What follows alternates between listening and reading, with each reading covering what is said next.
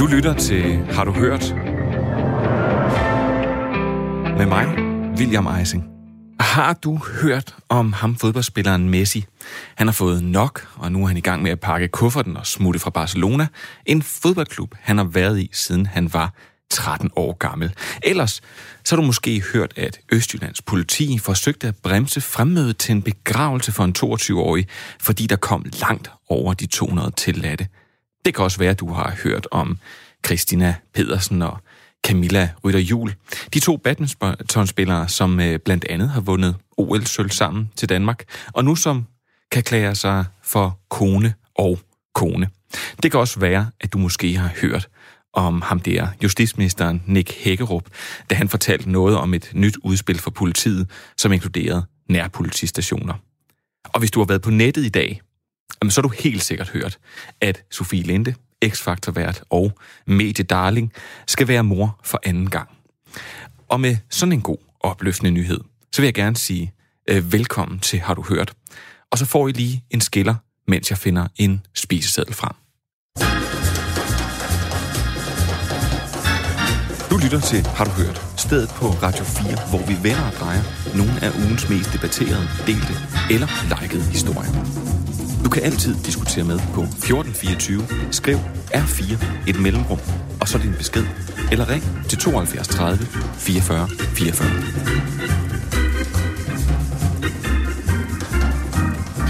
I dag i Har du hørt, skal vi tale om et ægtepar, der kan fejre 52 års bryllupsdag.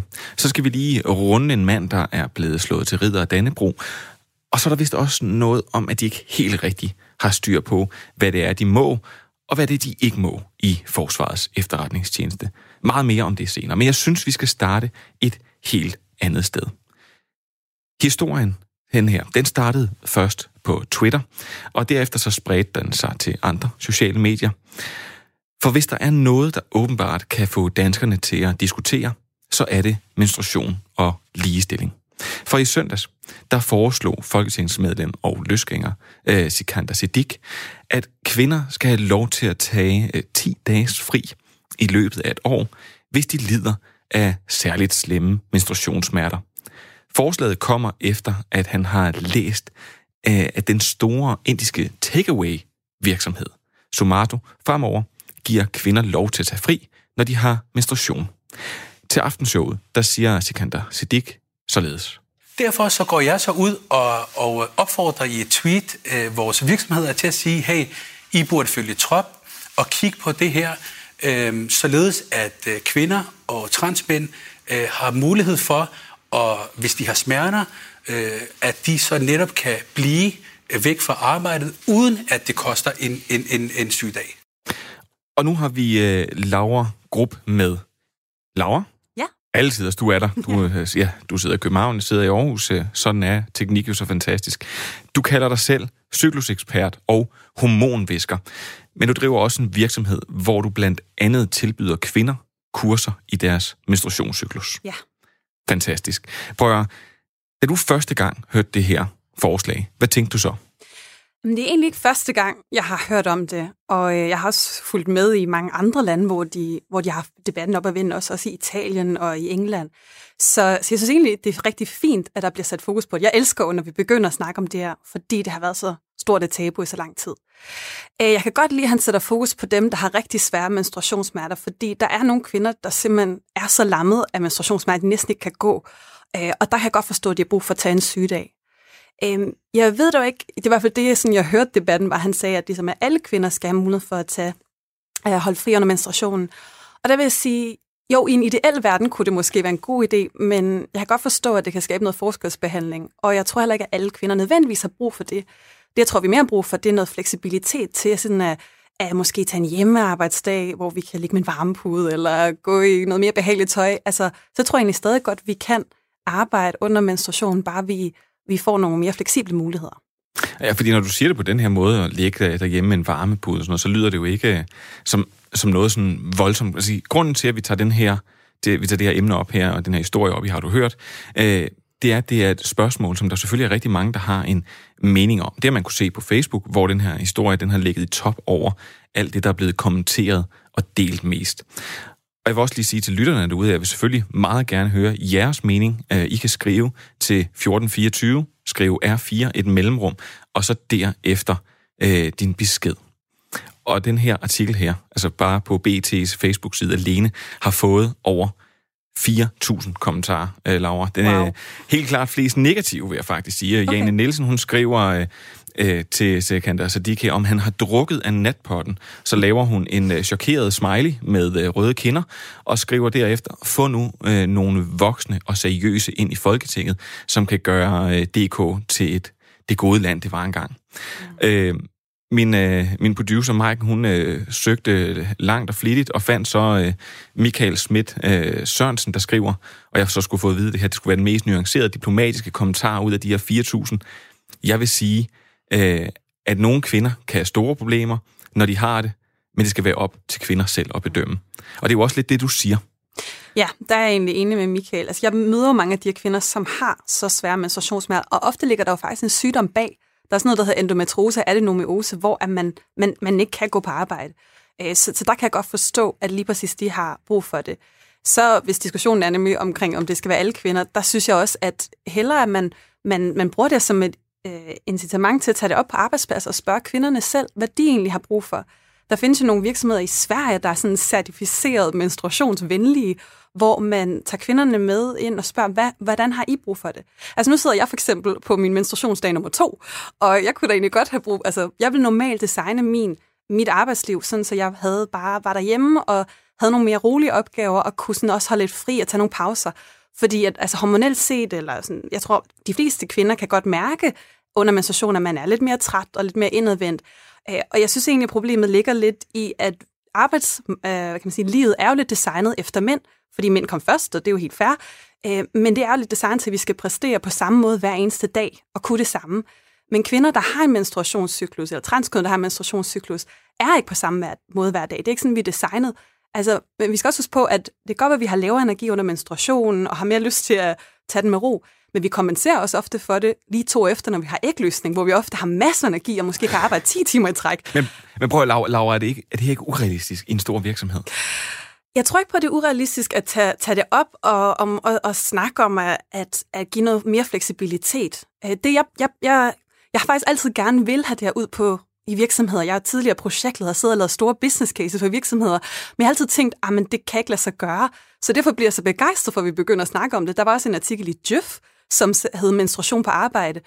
Øhm, så, så jeg kunne godt tænke mig at lave en business case egentlig, og se om, jamen kunne kvinder faktisk være mere produktive på den måde, hvis vi trives bedre, hvis vi lidt mere selv kan designe vores arbejdsliv efter det. Yep. Altså, Sekander Sadiq, han siger jo, at det, altså, han øh, ligger ud og siger, at det, kvinder de skulle kunne have fri op til 10 dage om året. Mm. Og, øhm, og, og, der, og jeg har også allerede en lytter her, der skriver ind, at han siger, at det er simpelthen øh, for langt ude. Hvad så med min tandpine eller hovedpine? Med venlig hilsen, øh, Kent Nielsen. Så vil jeg bare sige, prøv, flere peger jo nok allerede, vil allerede pege på at sige, det her det er uretfærdigt over for mænd, som ikke vil få lige så meget fri. Øh, kan, kan vi ikke rende ind i et ligestillingsproblem? Og hvem skal egentlig afgøre, hvor ondt det gør?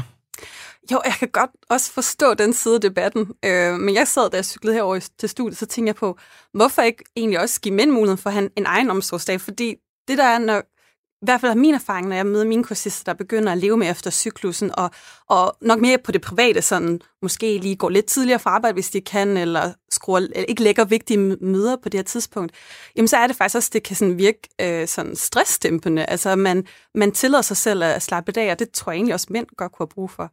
Jeg ved godt, menstruationscyklusen, jeg synes, at vi har, i forhold til ligestillingsdebatten, øhm, der synes jeg, at vi har lidt berøringsangst for menstruationscyklusen, men vi er jo nødt til at anerkende, det er bare et område, hvor at vi er forskellige, kvinder er forskellige fra mænd.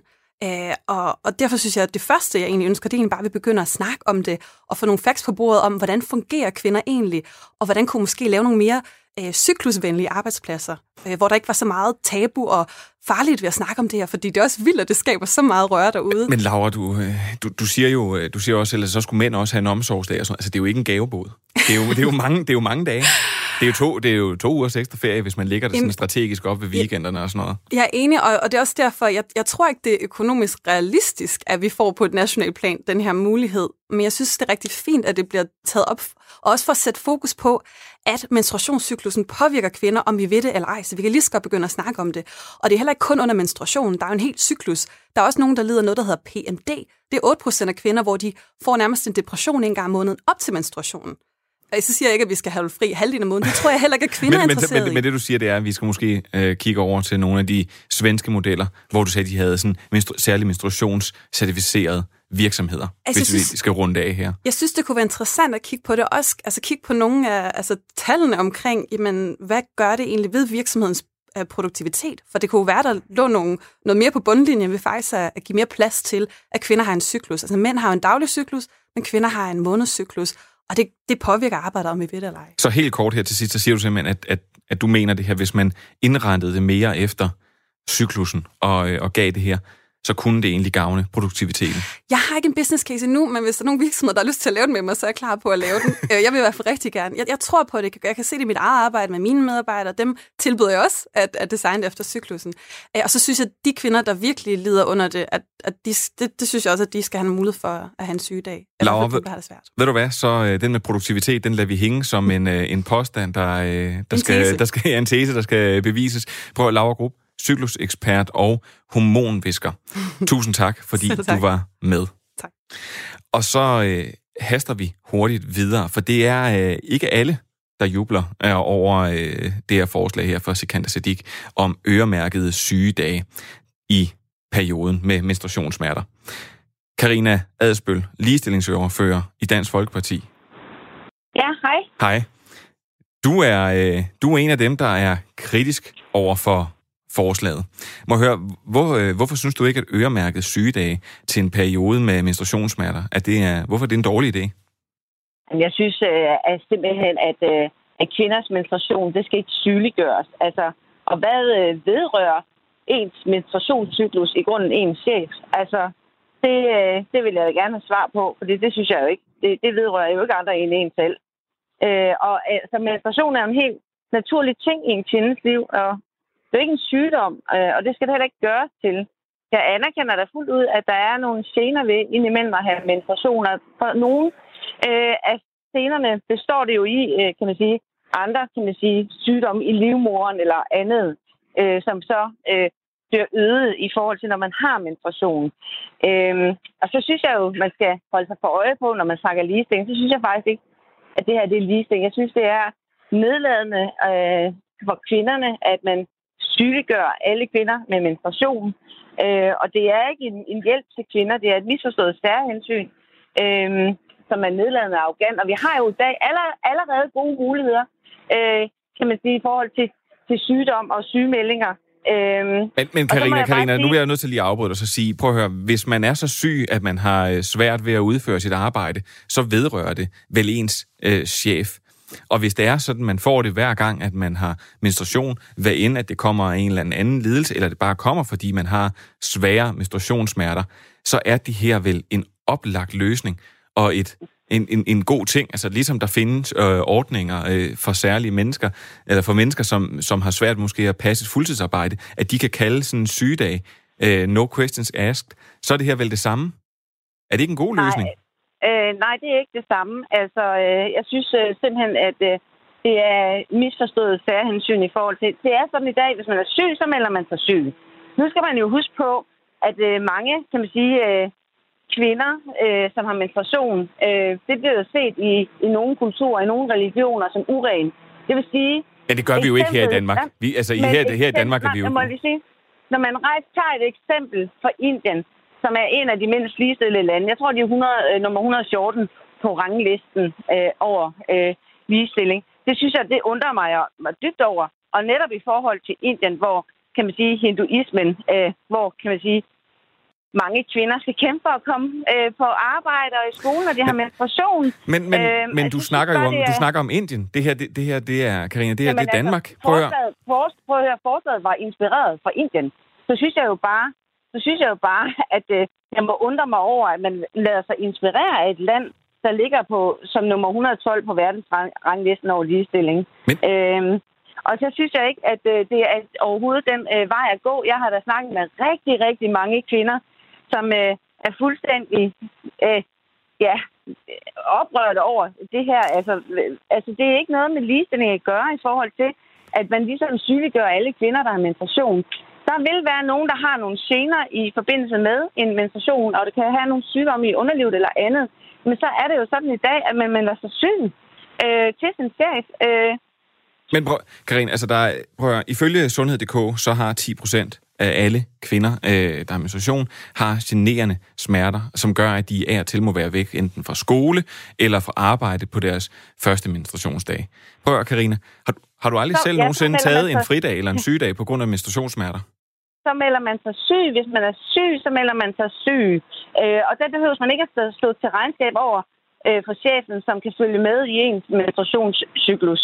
Øh, hvorfor skal man da det? Hvorfor skal det gøres... Øh, hvorfor skal alle kvinder sygeliggøres? Øh, Men Karina, har du, har, du selv, har du selv haft taget en fridag på grund af menstruationssmerter? Eller Nej, det, det har jeg ikke i forhold til, hvad jeg mindes i hvert fald. Men, jeg, men prøv at høre her. Det er ikke, ikke sådan, at kvinder ikke kan være syge. Selvfølgelig kan kvinder være syge. Og hvis de er syge på grund af nogle smerter eller noget andet, jamen så melder man sig syg. Men vi behøver jo ikke at lave en færre ordning i forhold til, at øh, ens chef eller ens arbejdsplads behøver at følge med i ens menstruationscyklus eller andet. Altså, men... Vi har jo gode ordninger i dag, så jeg synes jo helt ærligt, at det er sådan lidt af et, et klovne forslag øh, øh omkring det her, at man ligesom skal tydeliggøre kvinder. Altså, det er en naturlig ting, at man har menstruation, og ja, der er nogen, der har nogle større scener, fordi de har måske noget, nogle udfordringer eller problemstillinger i med underlivet også. Øh, det kan være livmorhalsen eller andet æggestokke. Øh, så, du mener, så du mener ikke, at vi skal finde en særlig løsning til de her 10 procent af kvinderne, der har stærke smerter hver måned? Og eventuelt løs, har... Løsningen er der i, i forvejen. Okay. Løsningen er der i forvejen, at man kan melde sig syg til sin chef, hvis man er syg. Øh, så jeg synes jo, man prøver, kan man sige, at fikse noget, som øh, der er løsninger for i vores, øh, i, på vores arbejdsmarked allerede i forvejen. Det er i orden. Tak, ja. Karina Adspil, øh, ligestillingsordfører i Dansk Folkeparti, fordi at, øh, jeg må forstyrre dig. Jeg ved, at du var midt i et samråd. Ja, selv tak. Det er godt. Hej, hej. Hej. Du lytter til Har du hørt? Stedet på Radio 4, hvor vi vender og drejer nogle af ugens mest debatterede, delte eller likede historier. Du kan altid diskutere med på 1424. Skriv R4 et mellemrum, og så din besked eller ring til 72 30 44 44. I den her uge her, der udtog Kasper Julemand, øh, den danske landstræner for herrenes fodboldlandshold, sin første trup og satte et endelig punktum for Åke Harreides landshold. Selv samme Åke Harreide blev lørdag slået til ridder af Dannebro og sagde i den forbindelse sådan her til TV2 som spiller og som træner, så får du uh, veldig sjældent sådan utmerkelser som, som det der. Akkurat sånne øh, personlige ting så der, det er jeg veldig på. Fordi eh, jeg skulle egentlig åbne med staben min. Og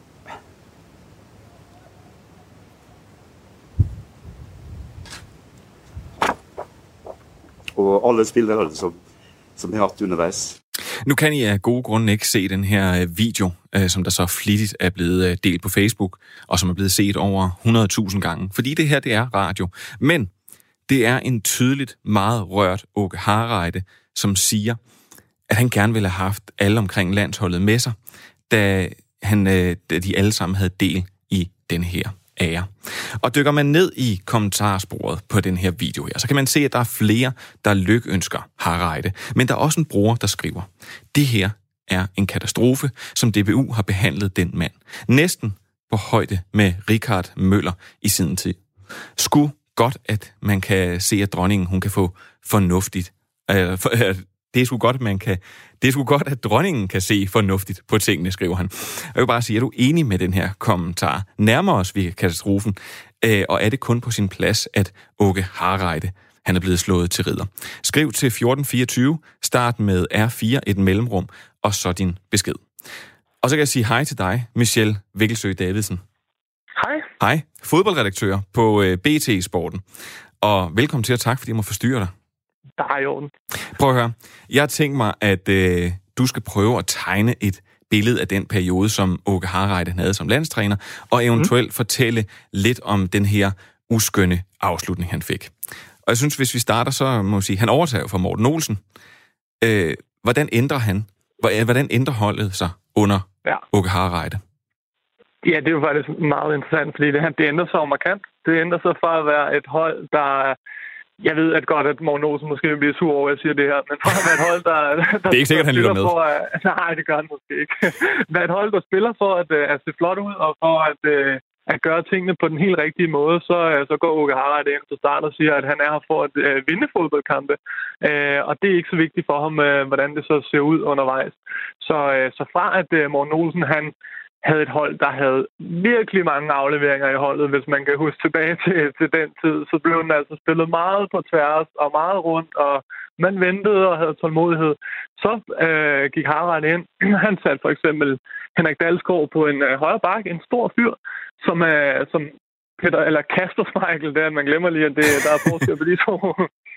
som Kasper Michael, han kunne banke en lang aflevering op i hovedet på, og så kunne, de, så kunne angrebet ligesom starte derfra. At, øh, at man ligesom så tog nogle nedfaldsbolde, og det handler om at, øh, at, at, at klø hårdt på, at øh, løbe meget, og, øh, og tit og ofte egentlig at spille hen over en midtbane, så, så Christian Eriksen han kunne, øh, han kunne få de nedfaldsbolde, der, der kom, og, og så man ligesom fik gjort ham vigtig for det her hold. Så det var, øh, han lavede en, en ret stor ændring i forhold til, til spillestilen. Det må man også sige. Så væk var øh, måske det lidt polerede spil, og så var der en, øh, et mere fokus på, kan man sige, at vinde, hvis man skal forsimple ja. det. Hva, ja, det synes jeg, det kan man også sige. Hvad betyder det, at sådan en som Åke Harreid, han er nordmand? Altså, Ja, jeg, jeg, går, jeg, vil, jeg vil altså gå så langt til at sige, det, det betyder ikke noget. Det tror jeg simpelthen ikke, øh, det gør. Jeg tror altså godt, at, øh, at, at vi danskere kan se igennem det. Jeg kan jo se, at der er jo, øh, der er jo en nordmand i, i fodbolden, der er blevet accepteret her i Danmark med, med Ståle Solbakken i, i FC København.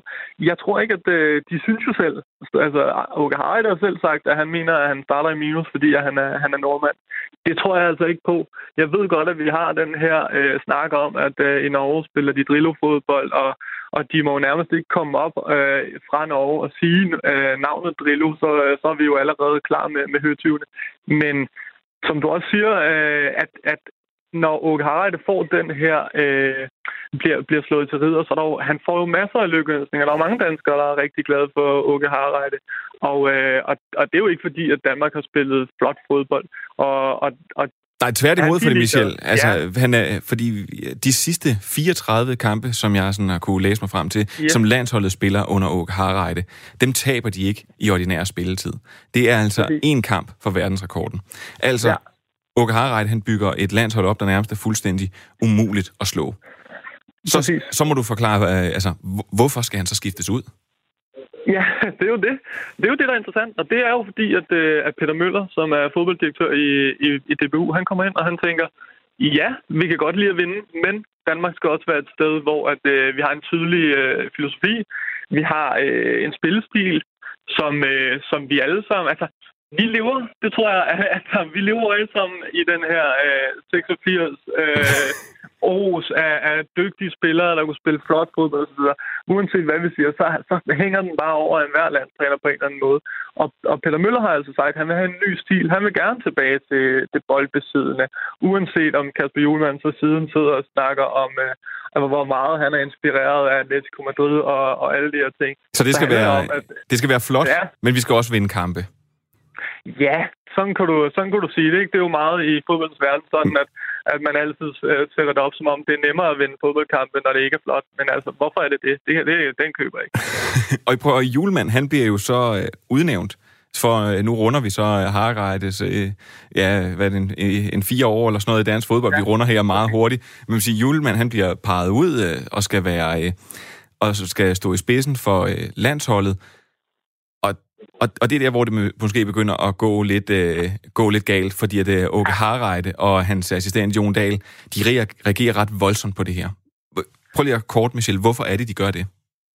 Det gør de, fordi det, det, øh, det kommer et år før tid. Det kommer i, ikke mindst i en periode, hvor at, uh, Åke Harreide endnu ikke har, har kvalificeret Danmark til, øh, til slutrunden. Så, så han skal lige pludselig forholde sig til alt muligt, som er, er uden for hans øh, rækkevidde. Skal han forholde sig til midt imens, at han er ved at, øh, at, at, at få Danmark til slutrunde nummer to i hans periode, altså to ud af to mulige slutrunder, så skal han lige pludselig øh, stå og, og svare på spørgsmål om, hvorfor er det, du ikke får lov at fortsætte, og, og hvad er det, du har gjort galt? Og han kan ikke svare på, han kan ikke svare på det, fordi han ved ikke, hvad det er, han har gjort galt. Han har bare spillet på den måde, han nu engang godt kan lide at spille fodbold, og han har egentlig skabt alle de resultater, han skulle.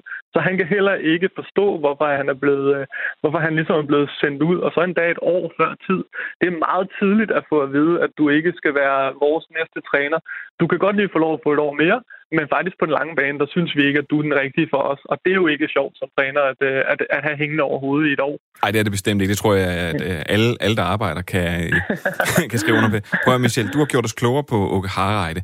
Men med til historien hører her, at øh, den selv samme Harreide nu er ridder af Dannebro. Og det er faktisk bestemt ikke noget, der er mange sportsfolk forundt. Øh, langt fra. Derfor har, øh, har du hørt flittig journalist Magnus Bang ringet til Christian Øjken Olsen, som er kammerherre og tidligere ceremonimester i kongehuset. Og han har faktisk spurgt ham, hvordan, øh, hvordan man bliver ridder af Dannebro. Vi har i Danmark øh, to ordenssystemer. Det ene det er elefantorden, som er meget speciel og meget fin, og som gives til dronningen til sin familie og til statsoverhoveder, som besøger Danmark, eller som kommer på besøg i Danmark, eller særlige danskere, som har gjort en særlig indsats. Det kunne være Mærsk Møller, og det kunne være Niels Bohr. Så har vi det andet ordenssystem, det hedder Dannebrogsordenen, og den er opdelt i en øh, seks klasser. Øh, der er først ridder af Dannebro, så er der ridder af første grad af Dannebro, så er der kommandør af Dannebro og kommandør af første grad af Dannebro, og så er der Storkors af Dannebro. Det er de ordner, som man kan, kan anvende i forbindelse med uddeling af ordner. Nu spørger man om øh, Åke Harald han er blevet ridder, det vil sige, at han har fået ridderkorset, og øh, det har han fået, fordi han har været landstræner i Danmark og opnået nogle fine resultater. Så har Dansk Idrætsforbund indstillet ham til at få den orden. Og hvad skal der til for at kunne få sådan en orden? Ja, så skal man have gjort en særlig indsats. En særlig indsats som uh, for eksempel... Jeg kan give et eksempel. Hvis man nu for eksempel var uh, direktør for et firma, som gik rigtig godt, og en masse medarbejdere, og alle var glade, uh, ja, så får man ikke nødvendigvis en orden. Hvis den samme direktør går ud af firmaet og går ind i interesseorganisationen, for eksempelvis skulle det være øh, man lavede noget helt specielt, plastik eller lignende. Så hvis der er en organisation der, og man går ind frivilligt og arbejder for den, så kan de indstille via det ressortministerium, som måtte være, det kunne være Industriministeriet, ja, så kan man indsætte den pågældende til en orden, fordi han har gjort en særlig indsats. Og det vil sige, at i det her tilfælde med landstræneren, så har man også en række sportsfolk, som har fået det for deres fortræffelige indsats igennem mange år. For eksempel Karoline Wozniak fik fordi hun var en dygtig tennisspiller, og sådan findes der mange, som også har fået den orden på den måde. Michel, øh, ja. efter det du øh, fortalte mig, så er der vist ikke nogen, der kan betvivle, at Harreide, han udrettede noget stort med landsholdet. Men med den her afsked her, der lå der så måske alligevel ikke, at han skulle blive ridder af Dannebro. Som du kan høre, så er det ikke en, de bare kaster rundt om med sig. Men det kan jo være, at der er nogen i DBU, der har haft rigtig dårlig samvittighed og så ringet. Men prøv at høre, øh, Michel, jeg vil, jeg, vil gerne, jeg vil gerne lige holde på dig en ja, lille, lille kort sekund mere, fordi... Kan man godt høre forskel på min og hans uh, dialekt i øvrigt? Kan man en smule. Okay. Uh, prøv at høre, Michel. Fordi det er nemlig... Uh, jeg vil gerne understrege, sådan at det ikke bare er hvem som helst, der får det. Så uh, jeg har lavet en, en meget kort lille quiz. Uh, en leg, vi skal lege ja. faktisk, der hedder okay. Ridder eller ej. Og øh, du får nu øh, fire navne på enten øh, fodboldspiller eller træner. Du skal bare sige mig, øh, om, øh, om de er blevet slået til ridder af Dannebro eller ej. Sådan ja. meget kort på. Vi starter.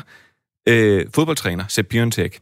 Dansk landstræner fra 1979 til 1990, og han stod ved roret i 115 landskampe. Er han ridder eller ej? Nej. Det er fuldstændig korrekt.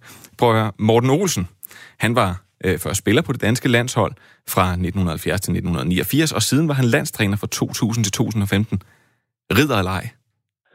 Ikke ridder. Det er forkert. Han blev ridder i 2010. Ah. Richard ja. Møller Nielsen, han var landstræner fra 1990 til 1996, og var træner for både øh, for Danmark, da de vandt øh, EM og også Confederation Cup. Øh, han ridder eller ej? Ej, men altså, hvis ikke han er ridder, så er det jo en skandale. Jeg er nødt til at sige, at han er ridder, men nu kommer du og siger det. Nej, nej, han er ridder, han er ridder. Nå, okay. Øh, prøv, og så til sidst, Allan Simonsen.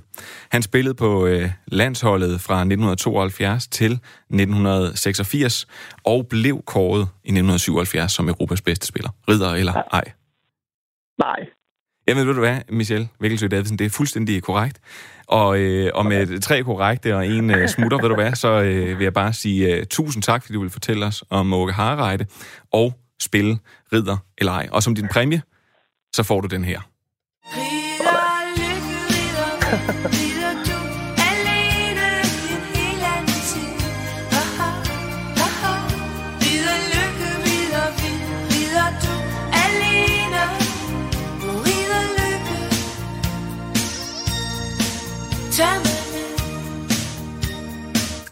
Og imens får jeg øh, på sms'en øh, en, der skriver, hej vært. Jeg kan oplyse dig om, at jeg hedder William. Uh, og jeg skal lade gæsten tale ud og glemme min egen indstilling, og øh, hvad du ved om det, mens det er næsten, øh, mens det er, det er Sedik, han foreslår, og så bliver det en meget mærkelig sms, der øh, vælges ud. Men øh, jeg skal nok lade gæsterne tale mere ud. Den øh, kritik er taget til efterretning. Nu skal vi til en af ugens digitale baskere. Prøv at, det her det er en historie om øh, en bortkomst, firkantede regler, og sidst, men ikke mindst, bomuldspels. Who let the dogs out? Who Ja, lige præcis det spørgsmål, det øh, stillede politiet sig selv, fordi ugens mest likede og delte nyhed, den finder vi i Fredericia øh, og i lokalavisen.dk øh, med overskriften Ejeren har tre døgn til at melde sig, ellers bliver denne nuttede hund aflivet. Og det er ellers noget, der kan få folk i gang. For bag den her dramatiske overskrift, der gemmer der sig en historie om en bortløben lille hund. Hunden blev øh, fundet forvirret og alene øh, mandag den 24. august omkring klokken 10 på Lyngsvej i Fredericia.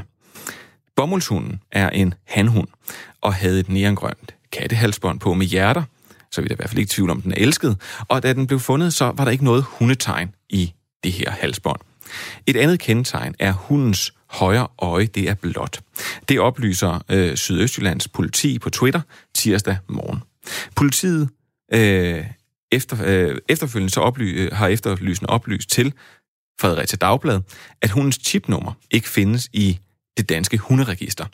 Og dermed kan det være et udenlandsk chipnummer, eller en på en anden vis ikke registreret.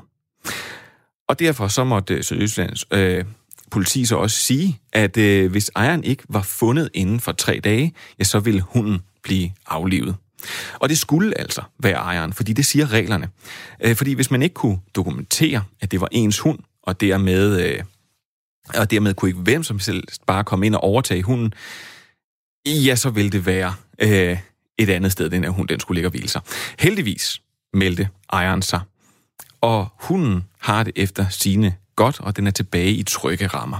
Så det er jo en dejlig krølle på halen på den. Men vi skal lige have det sidste med, fordi hele misæren koster jo selvfølgelig ejeren en bøde for overtrædelse af hundelovens paragraf 3, i det hunden den strejfede om. Men derudover, ja, så øh, skal ejeren faktisk også betale for omkostningerne for kost og logi til hunden, som politiet har været så venlig at opbevare. Du lytter til Har du hørt? Stedet på Radio 4, hvor vi vender og drejer nogle af ugens mest debatterede, delte eller likede historier. Du kan altid diskutere med på 1424. Skriv R4 et mellemrum, og så din besked. Eller ring til 72 30 44 44.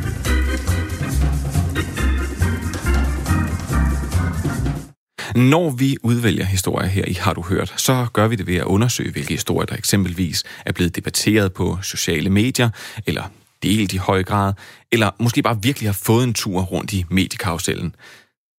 Men derudover, så går vi også lidt mere analogt til værsk. Øh, en gang om ugen, der ringer jeg ud til en øh, Radio 4-lytter og spørger, hvilken historie, der har optaget dem i denne uge. Hvilken historie har de diskuteret med deres ægtefælle, børn, kollegaer, eller bare ind over hækken med naboen? Og i denne uge, der er jeg ringet til Aalborg hvor øh, Birgitte Olsen hun bor. Hun er godt gift på 34 år. Hun har tre børn, en sygeplejerske, en konsulent og en betjent, og så er hun kordegn i Vejgaard Kirke. Og Birgitte, hun sagde sådan her, da jeg spurgte hende, hvilken historie, der i den forgangne uge havde optaget hende. De her offentlige instanser, som bliver afsløret enten i snyd eller embedsmisbrug, løgn, fortielse, og, øh, og nogle gange bare passivitet, hvor, hvor de har sådan set et direkte ansvar. Øh, sagen i øh, FE, forretnings, eller øh, Forsvarets efterretningstjeneste, det er jo så den nyeste. Øh, men det handler jo også om kammerateri i forsvaret, hvor der også lige faldt dom i denne her uge, og tjusk og unddragelser, som vi senest har set i skat. Chefen for Forsvarets efterretningstjeneste, Lars Finsen, er fritaget fra tjeneste indtil videre. Det samme er to andre ledende medarbejdere, det oplyser Forsvarsministeriet. Efter afsløringerne om Forsvarets efterretningstjeneste, som tilsynet med efterretningstjenesterne i dag har lagt frem, bliver forsvarsminister Trine Bremsen kaldt i samråd. Det er jo meget, meget lidt, vi har fået at vide. Det er en meget, vil jeg sige, sparsomlig øh, pressemeddelelse, som der kommer ud om det her. Og netop fordi det handler om vores allesammens sikkerhed, jamen, så bør der også være en større offentlighed omkring det. Når Forsvarets efterretningstjenester er mistænkt for at have tilbageholdt oplysninger over for tilsynet med efterretningstjenesterne, kan det tyde på en kultur, hvor folk i efterretningstjenesten har følt sig hævet over loven. Jeg synes jo, det er helt vildt, hvis uh, tilsynet med efterretningstjenesterne har uh, en fornemmelse af, at det politiske system er blevet holdt for nar. Tilsynet med efterretningstjenesterne advarede allerede i sommeren 2019 om problemer i Forsvarets efterretningstjeneste FE. Det skriver politikken og Berlinske. Så hvis det er korrekt, at Forsvarets efterretningstjeneste har indhentet oplysninger om et medlem af tilsynet hjemme i Danmark. Altså, så jeg har ikke ord til at beskrive, hvor beskæmmende det er.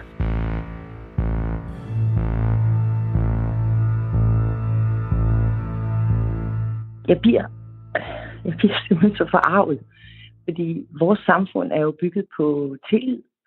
Og tilliden den består simpelthen i at stole på de offentlige instanser og dermed de mennesker, som vi har ansat til at forvalte vores øh, økonomi, vores værdier, øh, vores liv, øh, er det jo i FE.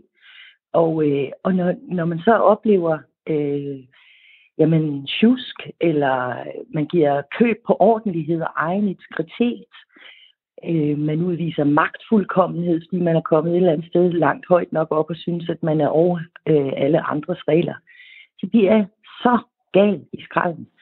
Vi er rigtig mange offentlige ansatte, som hver eneste dag går på arbejde og tænker over, hvis vi kommer til at øh, lave en fejl. Det gør vi jo alle sammen. Øh, hvordan kan vi få det rettet ordentligt? Hvordan, øh, tænk, hvis der er kommet en, en kuglepen ned i ens øh, taske, den skal jeg huske at have med igen. Altså mennesker, som virkelig gør en kæmpe indsats hver eneste dag. Og så ser jeg sådan noget, ja, jeg kalder det magtfuldkommenhed, gang på gang på gang. Jeg bliver tosset i mit hoved. Jeg synes, det er urimeligt. Er det noget, I har talt om? Nu er du jo kordejen. Øh, lad os uh, sige det på en anden måde. Du er daglig leder i en stor kirke, Vejgaard Kirke. Ja, øh, ja. Er det noget, jeg har snakket om det heroppe? Ja, altså vi taler om det, når, øh, når det er et eller andet, som måske i virkeligheden minder øh, om noget af det, vi laver. Vi sidder jo og forvalter en stor økonomi. Øh, så da Brita-sagen var oppe, det var sådan noget, hvor man tænkte, det kan jeg altså ikke forstå, at det ikke bliver opdaget. Øh, når, øh, når sådan noget som øh, forsvaret, det der kammerateri, at man lader hinanden komme frem, frem for andre, øh, var det en kæreste og en søster, eller hvad det var, øh, sådan noget, øh, det taler vi om. Og det gør vi jo, fordi vi selv sidder og passer vores egen lille øh, område ordentligt og med meget stor øh, integritet. Vi sidder jo i kirkerne og forvalter store summer. Vi har øh, arrangementer, som, øh, som handler om store følelser. Vi har altid kun et skud i bøssen. Den skal sidde hver eneste gang. Så vi går meget ofte øh, på kompromis med egne behov for at få tingene til at hænge sammen for dem, vi øh, er sat i verden for. Og sådan synes jeg også, det skal være i en hvilken som helst offentlig instans der må man altså lige sætte sig selv til side og sørge for, at det er the higher good, øh, som, øh, som man tager hensyn til. i de beslutninger eller i de øh, ting, man foretager sig. Og jeg bliver virkelig vred, når, når jeg ser, at det er mennesker, som sætter sig selv først, eller som rager til sig på en eller anden måde, eller som, som synes, at de selv øh, er så magtfuldkommende, at de ikke behøver at give ordentlige oplysninger til, til et tilsyn, som er sat i verden for at, at sørge for, at tingene går rigtigt til. Det er simpelthen ikke i orden, og vi skal som, vi skal som øh, folk, som personale, som offentlige ansatte og som, øh, som befolkning, der skal vi råbe vagt i gevær hver eneste gang, vi oplever det. Nu har du jo øh, tre børn. Der er en konsulent, men så er der også en sygeplejerske og en betjent. Og øh, to af de børn her, de arbejder jo så på den måde øh, for os alle sammen, skal vi sige. Øh, ja. er det, har du snakket med dem om den her nyhed her også? Ja, jeg har jo talt en del med min søn om det, den yngste, som, øh, som er betjent. Jeg tror, det var øh, Pipis, der, eller det var så Astrid Lindgren, som sagde, at den, som er vældig, vældig stærk, skal også være vældig, vældig rar. Og det er et værdisæt, jeg har forsøgt at give til mine børn. Jeg synes, det er utrolig vigtigt, at når man får magt i den her sammenhæng styrke, øh, så skal man være bevidst om, hvorfor man har fået den. Og det er jo aldrig for ens egen skyld det er jo altid for at kunne hjælpe andre. Det gælder, når man er sygeplejerske i sundhedssektoren, det gælder, når man er politibetjent, det gælder, når man sidder i en, øh, i en stor organisation, som øh, også har en eller anden form for offentlig myndighed. Nu er du jo tjenestemand, Begitte. Føler du dig mistænkt? Altså mistænkeliggjort, når der er, der kommer de her sager her? Ja, altså jeg tænker i hvert fald, at det bliver sværere og sværere øh, for øh, den almindelige befolkning at have tillid til det offentlige. Og der er jeg jo en del af systemet. Øh, jeg får nogle gange øh, skudt lidt i skoen af, at jeg går hurtigt i forsvarsposition. Og det tror, jeg, øh, det tror jeg er rigtigt, og det er også noget, jeg skal arbejde lidt med. Men det er nok, fordi jeg har den her ordentligheds-DNA inde i, inde i maven, at, øh, at der er altså ikke nogen, der skal kunne sætte noget på øh, en offentlig ansat, og, og heller ikke på mig. Jeg gør alt, hvad jeg kan for hele tiden at være savlig i de beslutninger, jeg nu engang skal træffe, øh, og også sørge for, at det er gennemskueligt, transparent kalder man det. Ikke? Altså man ved, hvorfor øh, er man gået den og den vej. Og sidde og sjuske med tingene, det, øh, det er ikke mig. Birgitte, tusind tak, fordi du vil øh, være med i dag, og tak fordi du vil dele den her historie med mig. Det er så fint. Hvis du ligesom Begitte Olsen vil give dit besøg med til Har du hørt, ved at fortælle, hvilken historie, der er fyldt for dig i løbet af ugen, så kan du tilmelde dig vores lytterpanel ved at skrive til HORT radio4.dk, altså hort radio4.dk, og så kan det være dig, jeg ringer op en uge. Lytter til Har du hørt? Stedet på Radio 4, hvor vi vender og drejer nogle af ugens mest debatterede, delte eller likede historier. Du kan altid diskutere med på 1424. Skriv R4 et mellemrum, og så din besked. Eller ring til 72 30 44 44.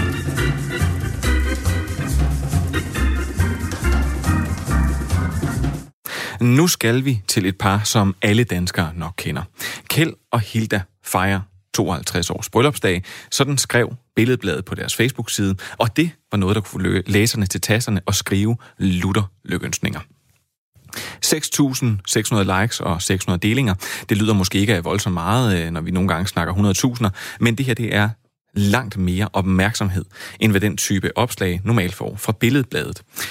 Men hvad er det med Kjeld og Hilda?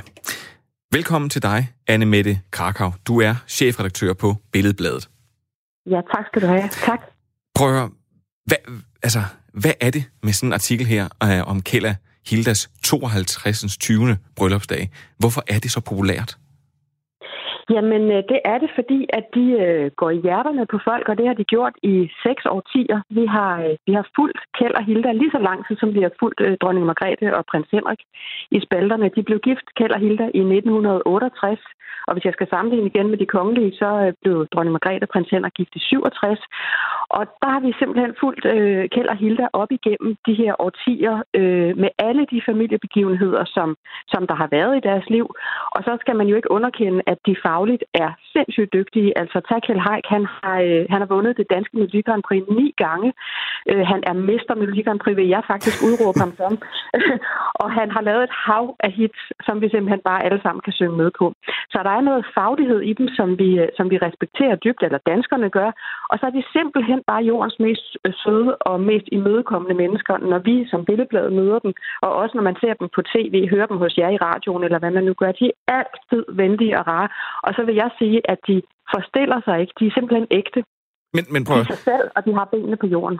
Anne det du siger jo, øh, du, du, det første du gør, det er, at du sammenligner dem med de kongelige. Det, de, er, ja. de er jo ikke kongelige, men er de måske, skulle jeg så sige det, hvis, øh, hvis der skulle være sådan nogle, øh, altså ligesom de bruger i USA og siger, de er royalty, altså på en eller anden måde, at det her, det er ubladenes øh, kongelige, skulle jeg så sige. Jamen, det synes jeg helt klart, de er. Altså, de, de hører til i vores spalter, og de er, altså, de er sådan øh, indbegrebet af, af ordentlighed og øh, øh, værdighed, eller hvad man skal sige. Det er, altså, vores øh, læsere og brugere kan rigtig, rigtig, rigtig godt lide Kjeld og Hilda, og øh, det kan jeg godt forstå. Altså, og jeg tror simpelthen, det, det, det, det handler om igen, det er, at de er sig selv, de forstiller sig ikke, og det er altså noget, man har respekt for. Øh, fordi lige så snart der er nogen, der spiller skuespil, så bliver det gennemskuddet hurtigt, og det gør Kjeld og Hilda ikke. De er bare dem, og de er modige nok til at være, det havde jeg sagt. Øh, og de, man har jo også fuldt altså op- og nedtur i årenes løb, og kæld, at de har også haft kant, eller har kant. De tør godt sige fra, de tør godt stille sig op øh, i aftenshowet og sige, hvis der er et eller andet, de er utilfredse med, eller hvis øh, radioen ikke spiller nok dansk topmusik, eller hvad de ellers har været ude med i årenes løb. Altså, de, man skal ikke tage fejl af dem, men frem for alt, så er de sig selv. Øh, og det, det har vi øh, på Billedbladet den dybeste respekt for. Prøv at, de, de holder sig jo også aktuelle. Altså, Kjell og Hilda deltog for eksempel i uh, satireserien Ditte og Louise, hvor at ja. uh, Ditte, hun flipper ud på øh, Kjell og Hilda, fordi de ser så lykkelige ud. En lille smule irriterende for os andre at skulle have jeres uværende lykke flashet op i ansigtet hele tiden. Se også, vi klarede den. Vi kan holde i hånden i Silvan. Hvad med noget medicin af på, hva'? Det er jo ikke meningen, at parforholdet skal vare så længe der, vel? Det er det jo ikke. I gamle dage, der levede man til man var 45 eller hvad, deromkring. Ikke? Nu bliver vi jo dobbelt så gamle, og parforholdet kan ikke bære det, vel? Men så er der så nogen som jer, hurra, som har kæmpet jer igennem 50 års kedelige leverpostej af kedelig hverdag, og øh, stoppet afløb og dødssyg sex. Tillykke! Giv han medalje, var det skal I sgu, men kan vi andre få lov til at være her? Ja, det er jo lige før, det er jo lige, det er jo lige, lige før, de måske burde få en medalje. Men prøv at, kan det, ikke, kan det ikke blive for lykkeligt for Billedbladets læsere? Altså... Øh, jo, jo, det kan det godt, og det er derfor, jeg siger, at det, er, det der faktisk er ved Kælderhilde, Hilde, det er, at det er ægte. Og det vil sige, at der jo også er, de siger jo også, når vi laver, hvis I læser, man læser interviews med dem hos os, så fortæller de jo også om nedturen. De fortæller også, at de kan blive uvenner. De fortæller også, at øh, øh Kjeld har et voldsomt øh, temperament, og uden Hilde, Hilda, så var der ingen regnskaber, og fordi det er hende, der kan det. Alt det, det altså, optur og nedtur, det er sådan set også det, de fortæller. Øh, man skal ikke tage fejl af dem, selvom de er søde og yndige og smilende og venlige, så er der også kant i dem, og det er det, som, som vores læsere og brugere godt ved. Og det vil sige, at man, man har ligesom det hele menneske i, i Kjell og Hilde, og det synes jeg bare er mega sejt. Det er jo også derfor, de stiller op i sådan noget som de der Louise, fortæller til det, fordi de er, de er sig selv nok, kan man sige, til at tåre det, og, og modige nok. Det synes jeg er virkelig cool. Øh, og lige, lige om lidt kan vi også se uh, Hilde Haik i uh, Vild med Dans. Hun er jo en af årets uh, kommende øh, dansestjerner på dansegulvet. Det skal der altså også mod til at være. Det glæder, det glæder min kone sig altså faktisk meget til, må jeg sige. Ja, det gør jeg også. Prøv at høre. Det godt forstå. Ja. Det, det, det er jo ikke fordi, at det skal, øh, jeg skulle sige, at, at, at det skal, man skal sammenligne folk. Men øh, nu gør vi det så alligevel. Prøv at høre. I skrev også en artikel om René Toft Simonsen og Thomas Helmis 19-års bryllupsdag, som slet ikke fik, øh, fik samme respons. Hvilke andre par i Danmark vil kunne få lige så mange reaktioner på en 52, bryllup, på en 52 års bryllupsdag? Øhm, ja, altså, jeg vil sige, altså, de kongelige kan jo, altså kronprins Frederik og kronprinsesse Mary, de kan. Øh, og så har vi en, en, et, vi har andre, som øh, for eksempel øh, Gekko og Jenkins, vi er til familien fra Bryggen. Altså, der har vi altså også nogle mennesker, der, der ikke forstiller sig, som, øh, som er, som de er. Altså, det, det er simpelthen det, det handler om. Det handler om at være, være ægte. Øh, så lige så snart der er nogen, der er det, og er sig selv og har benene på jorden, og det er alle fra de kongelige til de kendte til reality-stjerner. Lige så snart man er ægte, så, øh, så, øh, så bonger det ind i hjerterne, og så, øh, så bliver det øh, modtaget godt. Hvorimod, at man bliver gennemskuddet, hvis ikke man er det. Så, så det er svært at lave facit, øh, men det handler simpelthen bare om at være sig selv. Så 6 år, så, eller 6 år 10, siger du, på, øh, på toppen af branchen. Det er, ja. det er, hvad man er, når man er ægte, ligesom Kjell og Hilda. Ja. ja, det er lige præcis. Annemette Krakau, prøver, chefredaktør på Billedbladet. Tusind tak, fordi at, øh, vi måtte få lov til at forstyrre dig, og så vil du, må du bare have en rigtig god dag. Tak i lige måde. Og øh, mens vi så øh, langsomt øh, også øh, lukker af for programmet i dag, så vil jeg lige sige, at der er en, der har skrevet her ind til, i forhold til Birgitte Olsen. Han skriver helt enig i magtfuldkommenheden i det offentlige er redsomt, og straffen burde sætte voldsomt op, set i lyset af, hvor underminerende det er for vores allesammens tro på systemet. Venlig hilsen, Jens Bernburg. Jeg vil bare sige, at det her det var, hør, øh, var Har du hørt for i dag. Vi er tilbage næste torsdag klokken 12.10. Indtil da, der kan du stadig finde os på diverse podcasttjenester, Radio 4's hjemmeside og app, og du kan altid skrive til hort radio4.dk. Lige om lidt er der nyheder, men i teknikken, der sidder producer Marken Friis Lange, og på redaktionen sidder Magnus Bang, hårdt arbejdende journalist. Og mit navn er William Eising.